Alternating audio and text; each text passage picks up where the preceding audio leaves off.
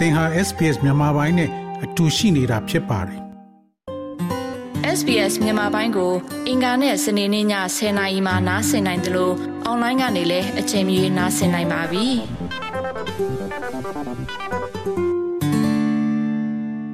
မြန်မာနိုင်ငံကိုလွတ်လပ်ရေးရအောင်ကြိုးပမ်းခဲ့တဲ့ဗိုလ်ချုပ်အောင်ဆန်းအပါဝင် အာဇာနည်ခေါင်းဆောင်ကိုဦးကြဆုံခဲ့တာဒီနေ့ဆိုရင်85နှစ်တိုင်ခဲ့ပါပြီ လွတ်လပ်ပြီးဖွံ့ဖြိုးတိုးတက်တဲ့နိုင်ငံတစ်ခုဖြစ်အောင်ကြိုးပမ်းဖော်ဆောင်ခဲ့တဲ့အာဇာနည်ခေါင်းဆောင်တွေဖြစ်စေခြင်းလို့ယနေ့မြန်မာနိုင်ငံကတော့ဖြစ်မလာသေးတာလက်ရှိအာဏာသိမ်းမှုကတက်သေးခံလို့နေပါတယ်နှစ်ပေါင်းရာချီကလေးကနိုင်ငံအတွက်အသက်ပေးကြဆုံးခဲ့ရတဲ့အာဇာနည်သူရဲကောင်းတွေရဲ့ကျွေးလင်းမှုဟာခေတ်အဆက်ဆက်တိုင်ခဲ့တာလက်ရှိအချိန်ထိရှိလို့နေတာပါ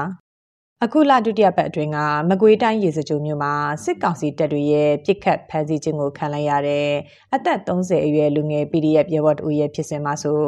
အသေးခံပုံခွဲတိုက်ခိုက်ခဲ့လို့စစ်ကောင်စီတပ်ဖွဲ့ဝင်15ဦးထိသေဆုံးခဲ့ပါတယ်။လူငယ်ပေမဲ့သူ့လုပ်ရက်နဲ့စိတ်ဓာတ်ကိုတပ်ဖွဲ့ဝင်တယောက်အနေနဲ့လေးစားအားကြရပြီးအာဇန်နီသူရဲကောင်းအဖြစ်အမြဲမှတ်တမ်းတင်ဂုဏ်ပြုနေမှာဖြစ်တယ်လို့ပြောလာသူကရေစကြို Revolution Group ပျောက်ကြားတပ်ဖွဲ့မှပို0ပါ။ ဒီရဲဘော်လေးက သူ့အိမ်ကို ပြန်ရမှာ ဒီတပ်ဆွဲထားတဲ့ သတင်းကို သူက မကြားလိုက်တော့ကြသူကအလံချောင်းအသုံးအသုံးပြုမိသွားဗျ ကျွန်တော်တို့အနေနဲ့ကလည်းအရဲဘော်လေးကို အချိန်မီ တားလိုက်တယ်ဗျသတင်းတက်ဆွဲထားတဲ့ သတင်းကို ရတော့ အချိန်မီ တားလိုက်တယ် ဒါပေမဲ့ အချိန်မမီလိုက်တော့ တပ်သားတွေနဲ့အမေထိတ်တိုက်ပြီးတော့じゃအာရဲဘော်လေးက အပြစ်ခံရတာဗျ အပြစ်ခံရတဲ့အချိန်မှာ ရဲဘော်လေးကိုမှန်မှန်ပဲနဲ့ဒီဆိုင်ကယ်ကို မှန်တော့ လဲသွားတာဗျအားအချိန်မှာ သူလည်း မလွတ်တော့မယ့်အတူတူဆိုပြီးသူ့မှာပါလာတဲ့လက်လုပ်မိုင်းလေး၃လုံးနဲ့မီးရှို့ပြီးတော့ဖောက်ခွဲအသေခံလိုက်တာဗျ။ရဲဘော်လေးကအစတည်းကမှသူကဒီလိုစိတ်ဓာတ်ရှိတာတဖွဲ့သားလုံးလည်းသိတယ်ဗျ။တဖွဲ့လုံးလည်းသိတယ်။ဘာလို့သိရတုန်းဆိုတော့သူကထောက်ပို့ရေးမှာပါဝင်နေတဲ့ရဲဘော်လေးဗျ။သူကတော့ကျနော်တို့ကိုလက်နက်တပ်ဆင်ခိုင်းတယ်ဗျ။ကျနော်တို့ကလည်းဒီပြောက်ကျားအဖွဲ့လေးဆိုတော့သူ့ကိုလက်နက်တပ်ဆင်ပေးလို့အဆင်မပြေတာနဲ့ဒီလက်လုပ်မိုင်း၃လုံးပဲပေးထားတာဗျ။သူကသွားလေရာ ဖောင်တယ်။အားနေရလည်း ဖြစ်ချင်တော့ မီးထီရော မိုင်းရော သူ့ဆီမှာ တခါတည်းပါသွားတော့ အဲ့လိုဖြစ်ခဲ့ရတာ။သူပြောနေကြစကားကတော့ တကယ်လို့ စစ်ကောင်စီကဖမ်းခံအသေးပဲဖမ်းခံမဲတဲ့ အရှင်ကတော့ဖမ်းမခံနိုင်ဘူးတဲ့ ဒီစစ်ကြောရေးမှာတော့ ဘယ်တော့မှရောက်မခံဘူးဆိုပြီး သူကတော့ အဲ့လို အမြဲတမ်းပြောနေကြအဲ့လိုပြောပြီး သူကတော့ သွားလေရလက်လုံမိုင်းကို သူက ဆောင်းနေကြဗျ ဒီလိုအသက်ပေးတော်လန်ကြတဲ့တဲမှာလက်နက်ကင်တော်လန်ရေးသမားတွေမတိုင်ခင်ကတည်းကပါဝင်ခဲ့တာငင်းချမ်းစွာဆန္ဒထုတ်ဖော်သူတွေပါစစ်အာဏာသိမ်းမှုကိုကဘာတိဆက်ကျင်ခဲ့တဲ့ငင်းချမ်းစွာဆန္ဒပြသူတွေကိုအာဏာသိမ်းစစ်ကောင်စီကပြစ်ခတ်ဖြိုခွင်းခဲ့လို့ပြီးခဲ့တဲ့နှစ်ဖေဖော်ဝါရီလ9ရက်မှာနေပြည်တော်ကလူငယ်အမျိုးသမီးမတ်မြတ်တက်တက်ခိုင်ဦးကောင်းကြည်စံထိမှန်ပြီးပထမဆုံးကြဆုံးခဲ့ရပါတယ်။ အဲ့ဒီဖြစ်စဉ်နောက်မှာတော့နိုင်ငံအနှံ့မြို့တိုင်းဒီပါမှာအကောင့်ခဲ့တဲ့လူမှုဆန္ဒထုတ်ဖော်ပွဲတွေကို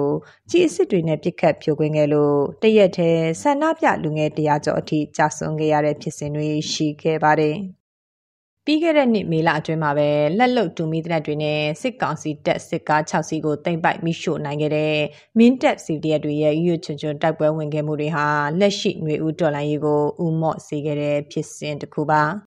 လက်နက်အင်အားမမျှတဲ့အခြေအနေမှာ CDF ရဲဘော်တွေရဲရဲရင်ရင်တိုက်ပွဲဝင်နေတာနဲ့ပတ်သက်ပြီး မင်းတပ်ပါအာဖာမှာတာဝန်ရှိသူ ကိုရောမန်ကအခုလိုပြောပါတယ်။လက်နက်အင်အားခုနကပြောတဲ့ညတမှုမရှိတဲ့အခြေအနေမှာပဲပြည်ရဲ့ချစ်ချင်းတိုက်ပွဲတွေစတင်လာတယ်ပေါ့နော်2021မေလကရပေါ့လေမေလမှာတိုက်ပွဲဖြစ်တော့အဲ့ဒီမှာခဲ့တာဟိုဘယ်လိုပြောမလဲတချို့လူငယ်တွေဆိုရင်အဲ့တော့ကဒူမီနဲ့စတာဟုတ်ဒူမီခါချိုးနဲ့စကြတော့အဲ့ဒီမှာနောက်ဆုံး တိုက်ပွဲပြင်းထန်ဖြစ်တော့အဲ့ကစားဒီ40မမ60မမ RPG ပြီးတော့ဒီမောင်းကြနေနေပေါ့နော်အဲ့ဒီအကိုင်းနဲ့ တက်လာတဲ့အချိန်မှာ တူမီခါချိုနဲ့ပဲ ပြန်ပစ်တယ် ပစ်တဲ့ကြားတွေကလည်းနောက်ဆုံး ဒီဇန်နေမရှိတော့လို့ဟိုကြောက်ခဲနဲ့ပါပေါက်ကြတယ်ဟိုနောက်ဆုံးလေးတွေညားတွေနဲ့လောက်လေးကွာတွေနဲ့ပါပြစ်ပြီးမှာပေါ့နော်နောက်ဆုံးဒီရင်တန်းကိုတင်းခါနေချိန်မှာဆိုရင်ဘာမှမရှိလို့ကဲနဲ့ပေါက်တဲ့လူနဲ့လေးကွာနဲ့ပြစ်တဲ့လူနဲ့အဲ့လိုမီပလင်းနဲ့ပေါက်တဲ့လူနဲ့ပေါ့နော်အဲ့လိုကြီးကန်နေကြတဲ့မှာအဲ့လိုဖြစ်ထဲထဲဝင်သွားပြီးမှကြစ်ကြခတ်ကြတယ်ပေါ့နော်အဲ့လိုကြီးရေဘုံဘုံဒီခါကြတိုက်ပွဲဝင်ကြပြီးမှဒီဆုံးတော့တဲ့လူတိုက်ပွဲကြတဲ့လူနဲ့အခုဆိုရောက်90နီးမှရှိသွားပြီ လက်နက်မပြည့်မစုံတဲ့တိုက်ပွဲဝင်နေကြတဲ့ပြည်သူ့ကာကွယ်ရေးတပ်ဖွဲ့တွေကိုစစ်ကောင်စီတပ်ကလေကြောင်းအပါအဝင်တာလွန်အင်အားတွေအုံပြုတိုက်ခိုက်နေပါတယ်ဒီလိုအခြေအနေမှာရှေ့တန်းကပြည်သူရဲဘော်တွေဟာရဲဘော်ရဲဘက်စိတ်အပြေနဲ့တော်လှန်နေကြသလိုထိခိုက်ဒဏ်ရာရတဲ့ရဲဘော်တွေကိုလည်းအခက်အခဲတွေကြားကရအောင်ကဲထုံနေကြရပါတယ်။ ရှေ့တန်းစစ်မြေပြင်မှာရဲဘော်တွေကိုကဲထုတ်ရတာတွေနဲ့ပတ်သက်ပြီး KNL နဲ့ PDF ပူးပေါင်းတပ်ကော့ဘရာစစ်ကြောင်းမှာအထူးကွန်မန်ဒိုရဲဘော်ကိုလက်ကရဲဘော်တွေကတော့ကိုမျက်စိရှိမှာပဲပေါ့နော်ထိခိုက်ကြဆုံးမှုတွေလည်းကြုံခဲ့ရတယ်အဲဒီမှာမမရရဆိုလို့ကျွန်တော်တို့လင်းလာပြတော့ကျွန်တော်ရဲဘော်2ယောက်ထိရထိရမှာ1ယောက်ကတော့ဂိုက်ထိရ1ယောက်ကတော့ဥကောင်းထိရပေါ့နော် ဒါမဲ့ဘယ်မှတယောက်ကတော့ကျွန်တော်အရင်ဆုံးနောက်ဆွဲထုတ်တဲ့အခါမှာအဆင်ပြေသွားတယ်ဒုတိယတယောက်ကျတော့အာကျွန်တော်နောက်ဆုံးမတော့ဆွဲထုတ်မဲ့လူဘူးမှလာမရှိတော့ဘူးလေရင်လာပြလို့အကုန်လုံးလုံခြုံတဲ့နေရာကိုသွားနေတဲ့အချိန်မှာမမရရသူ့တော့ကျွန်တော်တယောက်တည်းပေါ့နော်မနိုင်မနှင်းနဲ့ထမ်းထုတ်ခဲ့ဘူးတယ်ဘာလို့ဆိုတော့သူ့ရဲ့အကောင်ကဝတယ်ဝတယ်အကောင်လည်းကြီးရပေါ့အဲ့မှာသူ့ကိုမနိုင်မနှင်းနဲ့ထမ်းပြီးတော့ကျွန်တော်တောင်ကုန်းသုံးကုန်းလောက်ကိုကြော်တက်လိုက်ရတယ်ပေါ့ လူလည်းနောက်တော့လုံခြုံတဲ့နေရာလည်းရောက်လဲရောက်ရောကျွန်တော်လည်းအသက်ရှူမောရတော့ပလက်လန်ပြီးတော့ဟိုစိတ်မကောင်းတာလည်းဖြစ်တယ်နောက်ချက်ကဟိုလူလည်းတော်တော်လေးပေါ့နော်မောဟိုက်ပြီးတော့ဟိုနေကြောနေဆိုတော့လေလေရလာပြတာဒရုန်းတုံးဆိုတော့မောဟိုက်တဲ့အချိန်နဲ့ဆိုတော့ကျွန်တော်လည်းပလက်လန်လဲပြီးတော့အမှ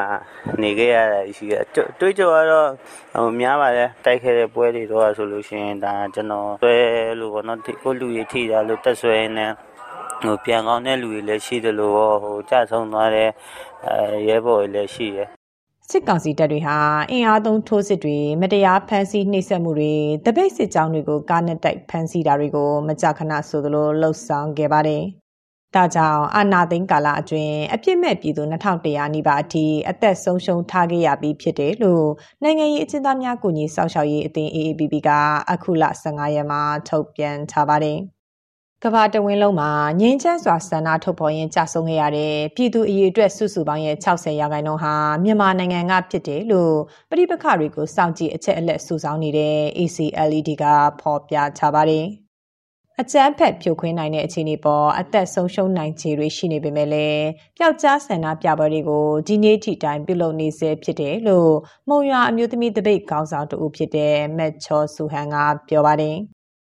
နယူးတော်လိုင်းရဲ့အတော်တွင်းမှာကြာဆုံးသွားတဲ့ ရဲဘော်ကြီးအကုန်လုံးက ကျွန်တော်တို့ကတော့ လုံးဝမေးမရတဲ့ ထွန်းလင်းနေမဲ့ဝင်နေပါပဲအလုံးကဟိုအတွက်မဟုတ်ဘူး တိုင်းပြည်အတွက် တိုက်ပြီးတော့ကြတော့ တိုင်းပြည်အတွက်ပဲအတက်ကို ပေးသွားကြတဲ့သူတွေပေါ့ဟိုသူတို့အာဇာနည်ဖြစ်တယ်ဆိုပြီးကျွန်တော်တို့လည်း အာဇာနည် ဂုဏ်ဘူးတစ်ခုပဲဖေးဖို့ဆိုတာထက် သူတို့မပြီးပြတ်ခဲ့တဲ့ ဒီတိုက်ပွဲကြီးကို ကျွန်တော်တို့တွေက ပြီးပြည့်အောင် ဆက်လက်ပြီးတော့ကြတော့ ဒီကြက်ရှိနေတဲ့ ပြည်သူလူထုအပေါင်းနဲ့ ကျွန်တော်တို့ ကျောင်းသားလူငယ်တွေအပေါင်းက ဘုံရန်သူကို အမြင့်ဖြတ်ပြီးတော့ကြတော့ ရှေ့ဆက်ပြီးတော့ ကျွန်တော်တို့ရှိတတ်ကြဖို့တော့ လိုမယ် သူတို့ကို ကျွန်တော်တို့ ဝမ်းနည်းပြီးတော့ကြတော့ ငိုကြွေးနေုံနဲ့လည်း သူတို့လိုချင်တဲ့ သူတို့ပေးလိုက်ရတဲ့ အသက်တွေဘက်က တန်ဖိုးရှိလာမှာ မဟုတ်ဘူး အဲကြတော့ကျွန်တော်တို့အနေနဲ့ဟိုသူတို့ပေးဆက်လိုက်ရတာတွေနဲ့ တန်အောင် သူတို့အသက်တွေ ပေးဆက်သွားရတာတွေနဲ့ တန်အောင်လို့ ကျွန်တော်တို့တွေကတော့ကြက်ရှိနေတဲ့ ပြည်သူလူထုတရလုံးဟာ မပြီးပြခဲ့တဲ့ တိုက်ပွဲကိုကျွေးချွချွနဲ့ ဆက်ပြီးတော့ တိုက်ပေးပါ အသက်ကိုပေးပြီးတော့ကြတော့ တိုက်နေတဲ့သူတွေကကြံမရအသက်တွေနဲ့ ဆက်တိုက်မယ် ပြန်ရှာလို့ရတဲ့ဥစ္စာတွေနဲ့ ကူပေးလို့ရတဲ့သူတွေက ကျွန်တော်တို့ဒီလိုအပ်နေတဲ့ အဖွဲ့အစည်းတွေအထံကို ငွေအားနဲ့ ပြန်လည်းကူညီပေးပါလို့ ကျွန်တော်က ဒီနေ့ပြောကြားချင်ပါတယ်ဗျ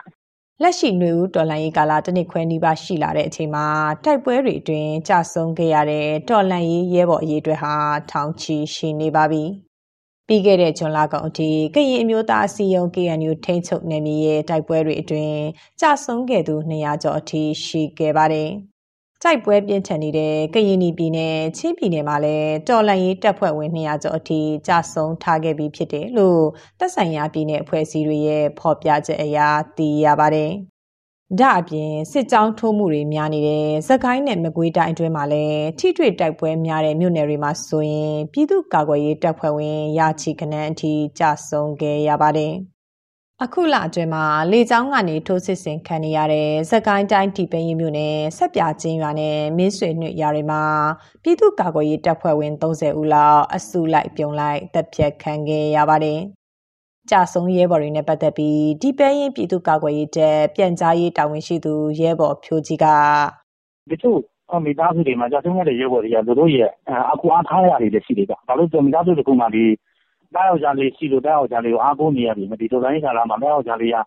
အသက်ပေးဆပ်ပြီးတော့တော်လှန်ရေးတိုက်ပွဲမှာကျဆုံးသွားပြီဆိုရင်ကျန်ခဲ့တဲ့မိဘတွေဆွေမျိုးတွေအနေနဲ့ဒီဒုက္ခရောက်ကြရမှာပေါ့ဗျာ။အဲ့လိုဒုက္ခရောက်ပြီးတော့ကျန်နေခဲ့မဲ့မိသားစုတွေအတွက်တော့ဒီသက်ဆိုင်ရာပေါ့နော်။အဲ့ဒီမှာလည်းကျတို့ဒီတော်လှန်ရေးပြီးသွားတဲ့ကာလမှာသက်ဆိုင်ရာအစိုးရဆိုတာတွေပေါ်လာပါလိမ့်မယ်။အဲ့ဒီဆိုရတွေအနေနဲ့ဒီကိစ္စပေါ်မှာတာဝန်ခံတာဝန်ယူပြီးတော့ပေါ့နော်ဟိုဒီကိစ္စတွေပေါ်မှာလိလျုံမရှိဘဲနဲ့ဒီမိသားစုတွေပေါ်မှာ ပြန်ပြီးတော့ခြေစူးတုံးပြန်တဲ့အနေနဲ့ဒီကြာဆုံးသွားတဲ့ရုပ်ဝတ္ထုရဲ့ပြစ်ဆက်မှုကိုအတိမတ်ပြီးတဲ့အနေနဲ့တင်တဲ့မိသားစုတွေကိုအထောက်ပံ့ကောင်းကောင်းလေး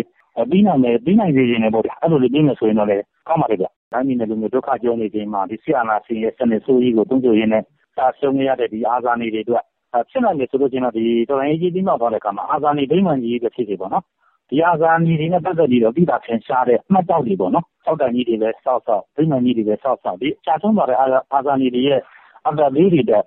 နောက်နောက်ကာလရှိတိုင်အောင်မှဒီကိစ္စတွေတည်မြဲပြီးတော့အလုံးအမှတ်ရနေတဲ့မှတ်တမ်းလေးတွေရှိနေစေနေပေါ့ဗျာစစ်ကောင်စီဟာအာဏာသိမ်းပြီးနောက်မှာပဲနိုင်ငံတော်ဝန်ကအာဇာနည်ဗိမာန်နေရာတွေကိုဆက်ရန်နေရာတွေနဲ့ဖြိုဖျက်တာစေးရောင်ပြောင်းလဲပစ်တာတွေလှုပ်ဆောင်ခဲ့ပါတယ်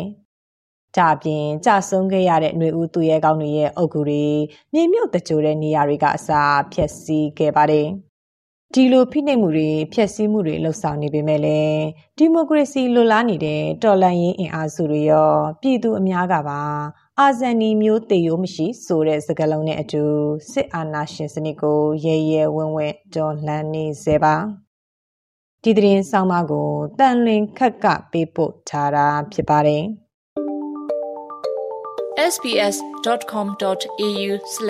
sbs.com.au/bemis ကို home နေရာမှာထားပြီးတော့အမြဲတမ်းနှာစင်နိုင်ပါတယ်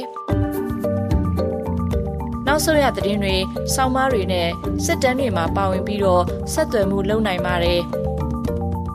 sbs.com.au/bemis ဖြစ်ပါတယ်ရှင်။